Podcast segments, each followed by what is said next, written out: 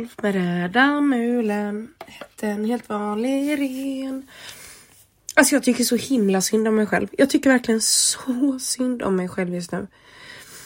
För att jag har fått den absolut största finnen jag någonsin har haft. Och nu är det så här inte en gul finne utan liksom en finne som gör ont.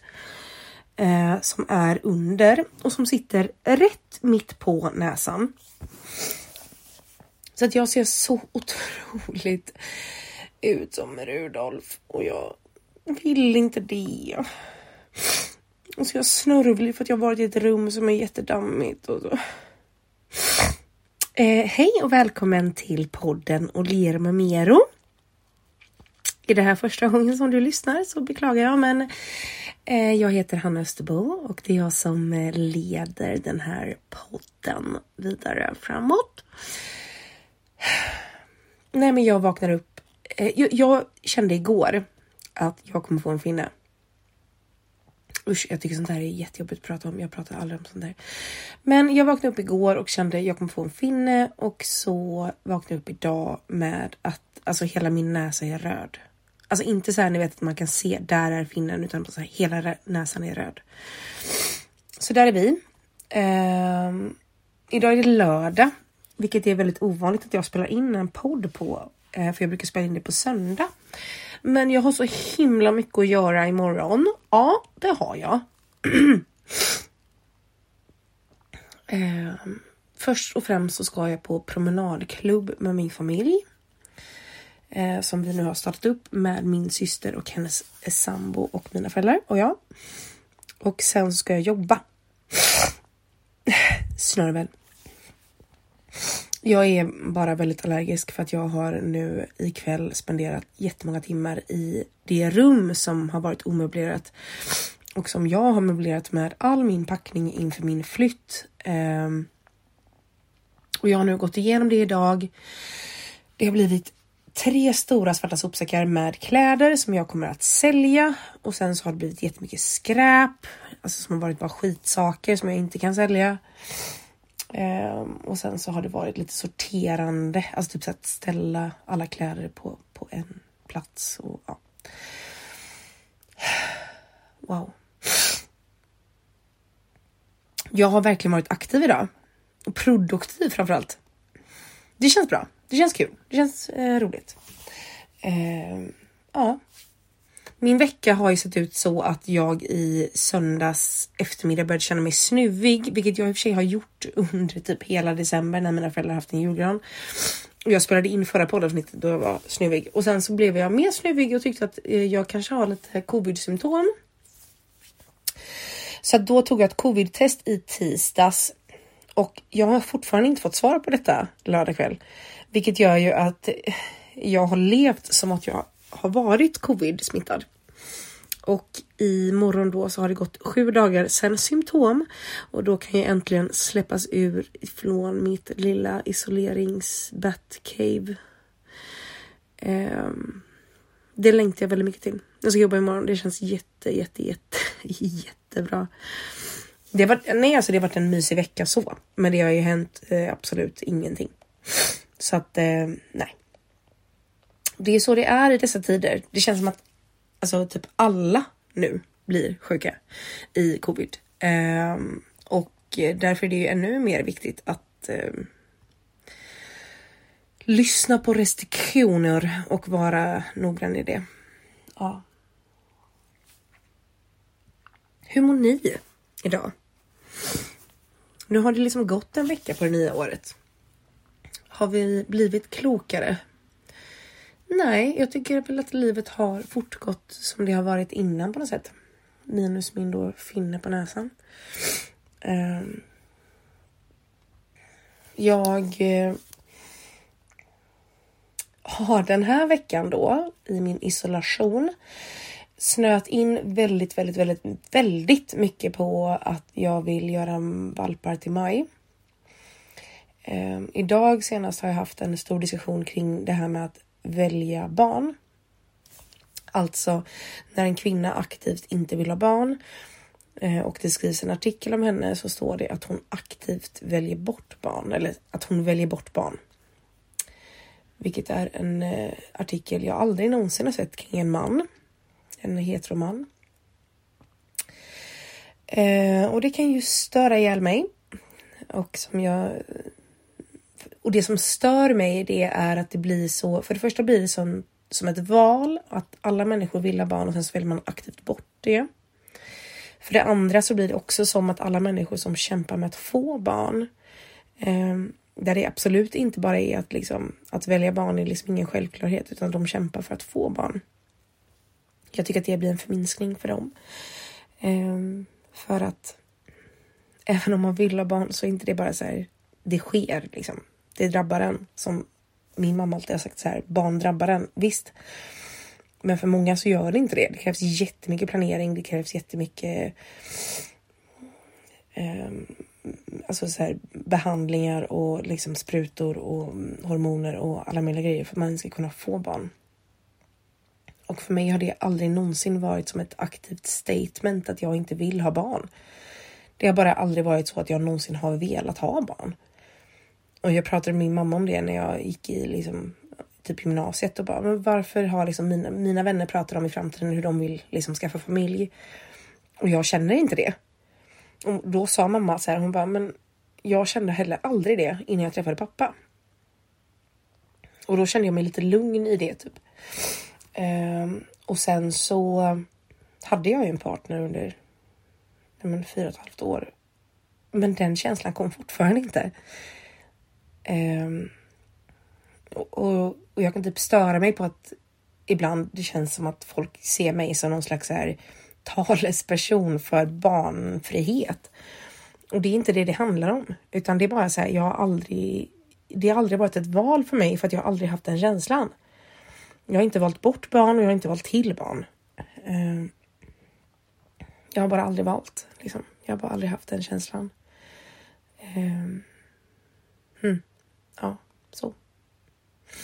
Men på tal om barn. Så tänkte jag idag gå igenom. Som det, det här är en faktiskt stående fråga jag får. Har du alltid varit så nära dina föräldrar?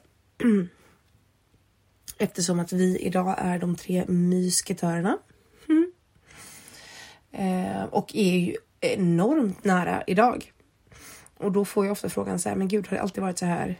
Eh, hur har ni hittat hit? Och så har det inte alltid varit. Det har alltså inte alltid varit så här med mina föräldrar att de har varit mina bästa vänner. Så jag tänkte gå liksom tillbaka till när jag föddes. Nej, men jag har ju två äldre syskon. Min stora syster är fem år äldre än mig och min storbror är sju år äldre än mig. Så att jag blev ju då lite grann av en sladdis även ifall alltså det var ju liksom planerat. De ville ju ha till barn. Eh, och mina syskon är fantastiskt olika människor idag. Alltså de är verkligen olika. Men jag tänker under barndomen så tror jag att de var nog rätt mer lika varandra än vad de var lik mig. Alltså de var mycket mer lugna. De hade liksom inga eh, frispel, utspel eh, på det sättet som jag hade liksom. Och när jag tänker tillbaka på min barndom så tänker jag väldigt mycket på att jag var väldigt arg. Eh, jag kände mig väldigt ofta missförstådd och jag hade en ilska inom mig. Som jag kunde bli arg över saker som jag idag liksom idag blir jag ju aldrig någonsin arg. Arg är en känsla jag känner väldigt, väldigt, väldigt, väldigt sällan. Men när jag var barn så kände jag ofta en ilska, en liksom aggressivitet på något sätt. Jag var nog inte fysisk, men jag kunde bli otroligt arg. Och om man då har haft två barn som inte kanske har upplevt den typen av känslor så kan jag förstå att det är lite svårt att hantera eh, ett barn som helt plötsligt blir, eller man, man får ett tredje barn och så bara så här, okej, okay, hur ska vi hantera det här? Vi har ju liksom, nu har vi lyckats med två stycken och det här funkar inte på det tredje. Mm. Så att eh, jag var nog aldrig ett enkelt barn. Någonsin. Från att jag var liten liksom. Men jag har nog också velat inte vara en del av familjen på något sätt. Eller, eller liksom, jag såg mig själv jättetidigt som det svarta fåret i familjen. Att jag är totalt annorlunda, jag skiljer mig så mycket från mina syskon, jag är inte alls samma. Och det var liksom ingenting som någon i min familj gjorde utan alla i min familj har nog alltid velat så här, velat vara nära och jag bara så här, nej. Alltså så. Um, så att jag var väldigt mycket mer eh, krävande kan man säga. Eh, och det gjorde ju att jag, jag liksom också det att jag inte kände mig så nära eller så lika mina syskon gjorde ju att jag på något sätt distanserade mig själv medvetet från dem. Och mina föräldrar har nog alltid, jag, jag tror att mina syskon kan idag känna att jag fick otroligt mycket mer uppmärksamhet för att jag var mer krävande än vad de fick. Och att de ibland kan känna att, att jag fick all uppmärksamhet när, när de kanske också behövde det. Det har aldrig varit ett issue som vi har diskuterat i familjen men eh, hade jag varit dem och sett på, på situationen utifrån idag så skulle jag kunna förstå ifall de kände så. Så att nej, jag har inte alls alltid varit nära mina föräldrar. Någonsin. Eh, så. Och när jag var yngre så var jag nog närmare min pappa för han var mer, vi är så otroligt lika. Och vi kunde explodera på varandra men vi kunde också Mamma har ju alltid haft så mycket hjärta och jag liksom kanske i och med att jag har varit så krävande på något sätt så så har jag kanske inte velat möta henne, velat prata, velat liksom stöta bort mer. Jag kan minnas när jag var liksom barn. Jag ville liksom inte sitta med mamma på bussen för jag ville liksom inte att folk skulle tro att oh, vi hör ihop. Vilket jag idag kan känna bara, varför gjorde jag det? Vad var, vad var det liksom? Um, så att i barndomen så det var ju alltid, det var ju alltid väldigt kärleksfullt hem. Men jag ville nog alltid, alltså det var som att jag alltid stretade bakut liksom. Att jag ville, jag ville vara självständig på något sätt. Och sen kan jag idag se att så här, många av de dragen jag hade som barn var ju verkligen typiska för kvinnlig ADHD, bara att man inte förstod det då. Eh, som att just så här, att jag ville frigöra mig väldigt mycket och att jag fick ätstörningar väldigt, väldigt tidigt och jag, om man tänker så här, mina tonår så vill jag absolut inte prata med mina föräldrar. Alltså jag tänker mina så här första depressioner jag vet inte ens om mina föräldrar visste om det. För att, eller jo, nej förlåt. Mina föräldrar visste absolut om det. Men alla andra visste inte om det. För jag var en person som var superglad och sprallig och tjo och i skolan. Sen kom jag hem, stängde in mig på mitt rum, låg i min säng i bäckmörker. Eh, och min mamma, alltså jag, jag kan, när jag ser tillbaka på min barndom så kan jag se så tydligt hur min mamma bara kämpade för att nå fram till mig. Och jag bara stängde dörren alltid för henne. För att jag ville verkligen inte. Jag ville inte att de skulle liksom nå fram till mig. Um, och så var det liksom under min tonårstid.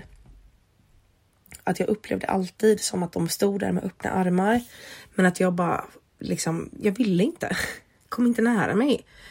Ehm, och att jag också visade en sån otroligt annan sida hemma än vad jag visade bland mina vänner.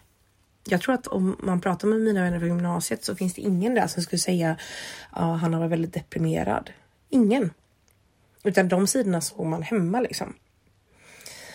Ehm, och då började jag gå psykolog när jag var typ 14-15 kanske.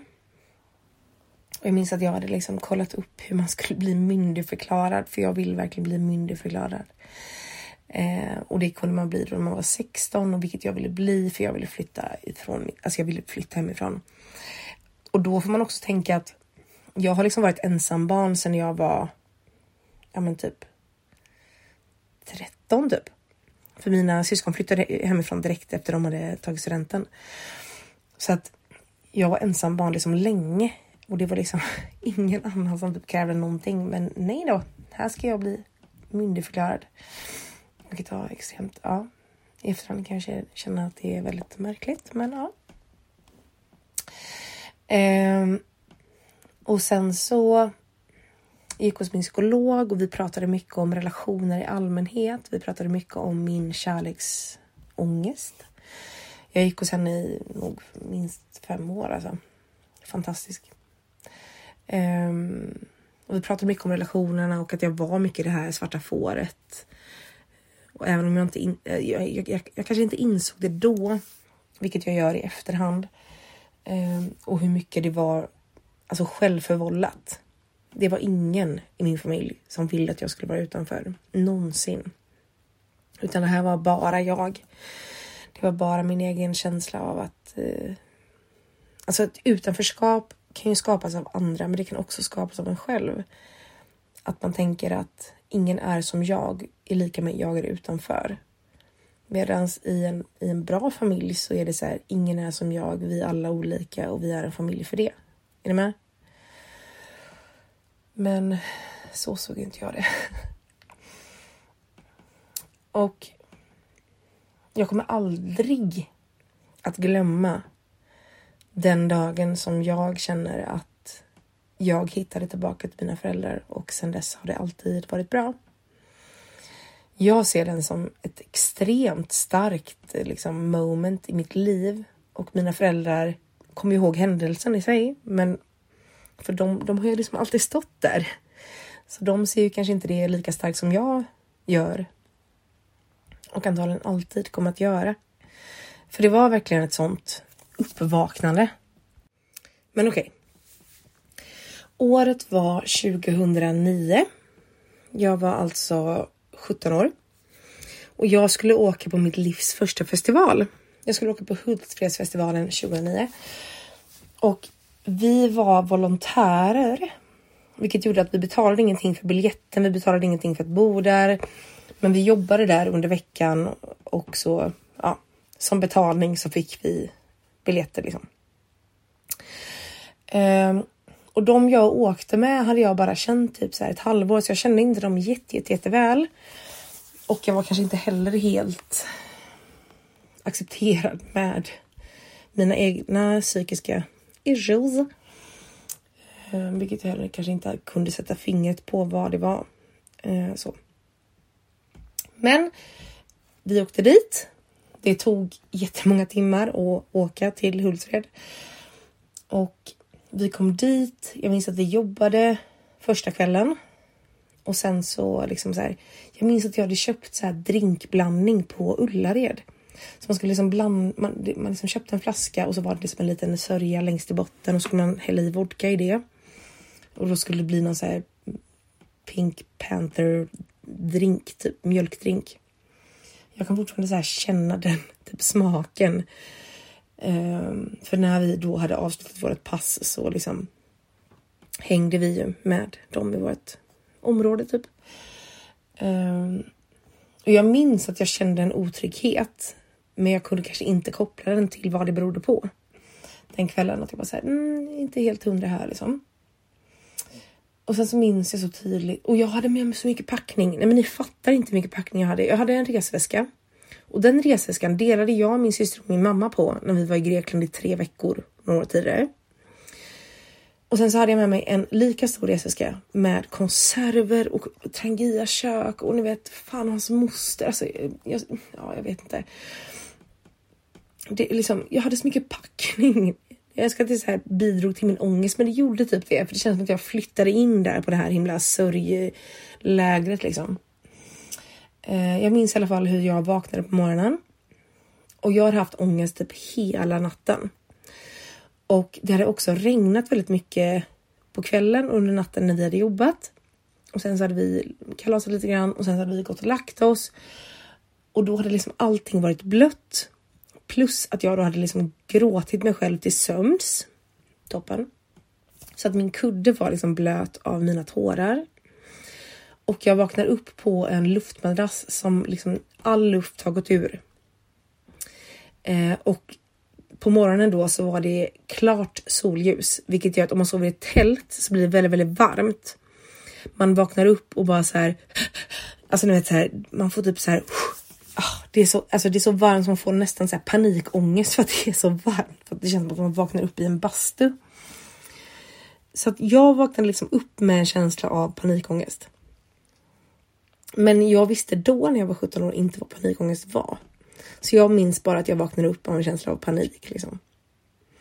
Och jag pratade med hon jag bodde med och liksom vårt gäng. Jag vet inte hur många vi var. Vi kanske var åtta. Och pratade med dem och bara jag har sån ångest typ. Och de bara, och, eller så här, jag, nej det sa jag absolut inte. Jag har sån panik. Jag vet inte, jag vill bara, usch, det är bara jobbig känsla typ. Och de fattade inte för att de kände heller inte mig så väl så att jag fattar att de inte fattar. Och jag minns att jag ringde mina föräldrar och de var på semester. De var på cykelsemester någonstans, I don't know where, men någonstans i Sverige liksom. Ehm, så. Och typ sa att här, jag inte mådde bra liksom. Och de bara, nej okej, vad, vad vill du att vi gör? Och sen så, alltså vi, vi ringdes tio gånger den dagen, jag och mina föräldrar. Och jag mådde så dåligt att jag ville bara åka hem. Och det här var ju en känsla som jag alltid hade haft när jag och mina föräldrar, eller liksom min familj hade varit utomlands. Så fort jag är utomlands då, då kände jag alltid en stark känsla av att jag är inte på fast, fast mark. Att jag måste att jag, kände, jag hade en liten så här ångesttanke av att om händer någonting så kan jag inte liksom ringa polisen och, prata på mitt språk eller liksom.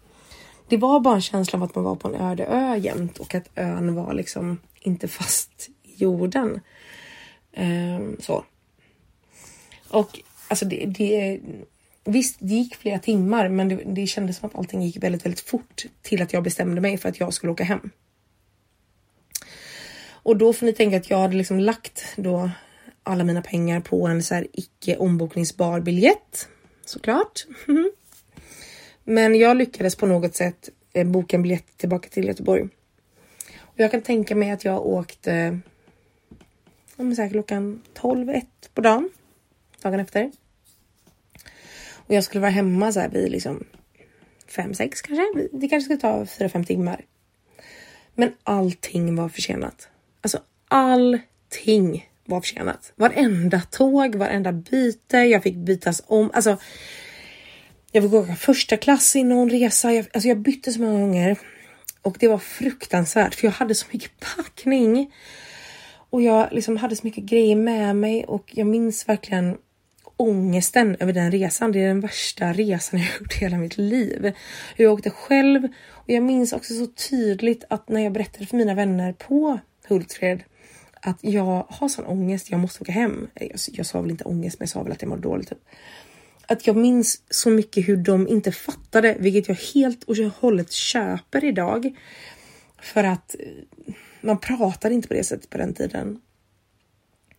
Men hur, vilken skam jag kände för att jag var den som liksom gav upp när jag bara liksom hade så mycket ångest.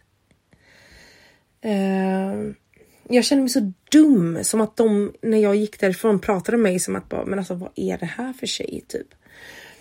Eh, vilket de säkert inte gjorde, men att jag bara fick den känslan liksom. Så jag bytte, alltså jag bytte så många gånger. Jag bytte tåg, jag bytte buss, jag bytte, alltså jag åkte så många gånger. Oh my god. Och en resa som skulle tagit så här 4-5 timmar tog dubbelt så lång tid. Jag minns min sista resa. Då åkte jag tåg tillsammans med en känd person. Ja, kan ni tänka er? Det var han som spelar, jag vet inte vad han heter, men han spelar polisen i Satsiki, morsan och polisen. Han är också med i så här. Eh, vad heter den? Girl with the Dragon Tattoo-trilogin. Ja. Så man tänker är den mysigaste, gulligaste, pluttigaste människan för att han ser så himla snäll ut. Och han är säkert det, men han var så full. Och då var det liksom, det var inte ens sent, det var så stelt. Han var så full och puttade till en kvinna som hade liksom så här inslagna paket i en påse som han liksom ja, men så här, spillde ut och det liksom, man bara hörde hur allting krasade och det var bara fruktansvärt. Och då får ni tänka att jag har haft en ångestattack i så här, tio timmar. så att den resan som skulle tagit så här fem timmar tog mig kanske 10, 12 timmar typ innan jag kom hem. Och sen så minns jag så otroligt tydligt för att jag, det var verkligen så här, det var inga det var inte någon direkt tåg till eh, Göteborg från Hultsfred. Jag bytte kanske fem gånger typ. Med så jävla mycket packning. Alltså jag hade så stora ja. Men jag minns så väl. Jag tror att jag kom in på Göteborgs eh, station vid 22, 23 kanske. Och då hade mina föräldrar varit på eh, liksom semester, cykelsemester någonstans i Sverige. Men de, vi hade ju pratat hela dagen och de lovade att möta mig. Och för mig är liksom mitt, eh, mitt uppvaknande i mina föräldrar. Det är den här kvällen när jag går ur tåget. Jag har stått med han från Satsik, morsan och polisen som har varit så otroligt odrägligt full och bara pinsam och bara, jag, jag har bara mått så dåligt. Jag går ur tåget jag börjar liksom gå med min rullvagn och med min enorma kasse med konserver. Um, och så ser jag mina föräldrar. Och de står där på perrongen. Och då plötsligt så är det som att jag ser dem för första gången. Det är som att det är så här första gången jag ser dem i sitt riktiga ljus. Och jag kan bli så rörd över att de hade avbrutit sin semester. För att liksom möta mig. Deras kaosiga dotter som bara alltid tagit dem för givet. Och det var så otroligt bara så här. För, alltså mina föräldrar kan ju som sagt, de kan komma ihåg situationen. Men de kan inte komma ihåg det på det sättet som jag minns det. För att jag minns det som ett otroligt starkt uppvaknande för mig. Att jag alltid har sett det som att... Nej men... När man bara ser människor med helt nya ögon. Bara så här, men gud, de har alltid stått här. De har alltid varit här. De har alltid... De har alltid, alltid, alltid velat mig väl. Och jag har bara inte velat se det. Det var ett extremt starkt moment i min och mina föräldrars relation. Och sen dess så har jag alltid varit nära dem. Och jag har också alltid uppskattat den relationen vi har fått i vuxen ålder och aldrig tagit den för givet. Och det är jättehäftigt att än idag, liksom, som är så här, 13 år senare, så är det fortfarande en relation som jag värdesätter mer än någonting i världen. De är det viktigaste jag har i mitt liv. Och så här, hade det inte varit för den händelsen så kanske det hade varit en annan händelse som gjorde det. Men, men för mig var det den händelsen var som att jag såg på dem med så här. Det var som att vet, man, man liksom drar bort ett skynke och bara nej men gud, det var som att jag såg hur mycket de har gjort för mig i hela mitt liv. Alltså så här, i min barndom, i min ungdom, i allt. Så såg jag plötsligt det den, liksom, den kvällen. När de stod där på perrongen och väntade på mig. Det är... Eh, än idag så är det, det fort, alltså fortfarande så är det det starkaste minnena. Alltså här, det, det starkaste minnet som jag kan eh, spela på repeat och vara så... Jag kan bli så rörd av hela den situationen. Så att... Nej, jag har inte varit nära mina föräldrar i hela mitt liv. Jag blev nära mina föräldrar när jag var 17. Och det var för att jag såg då vad de har gjort för mig innan. Och en så fin sak som min mamma alltid säger. Idag liksom när hennes barn är men 37, 35 och 30 snart. Är just det att man aldrig någonsin ska ta för givet att ens barn vill umgås med en.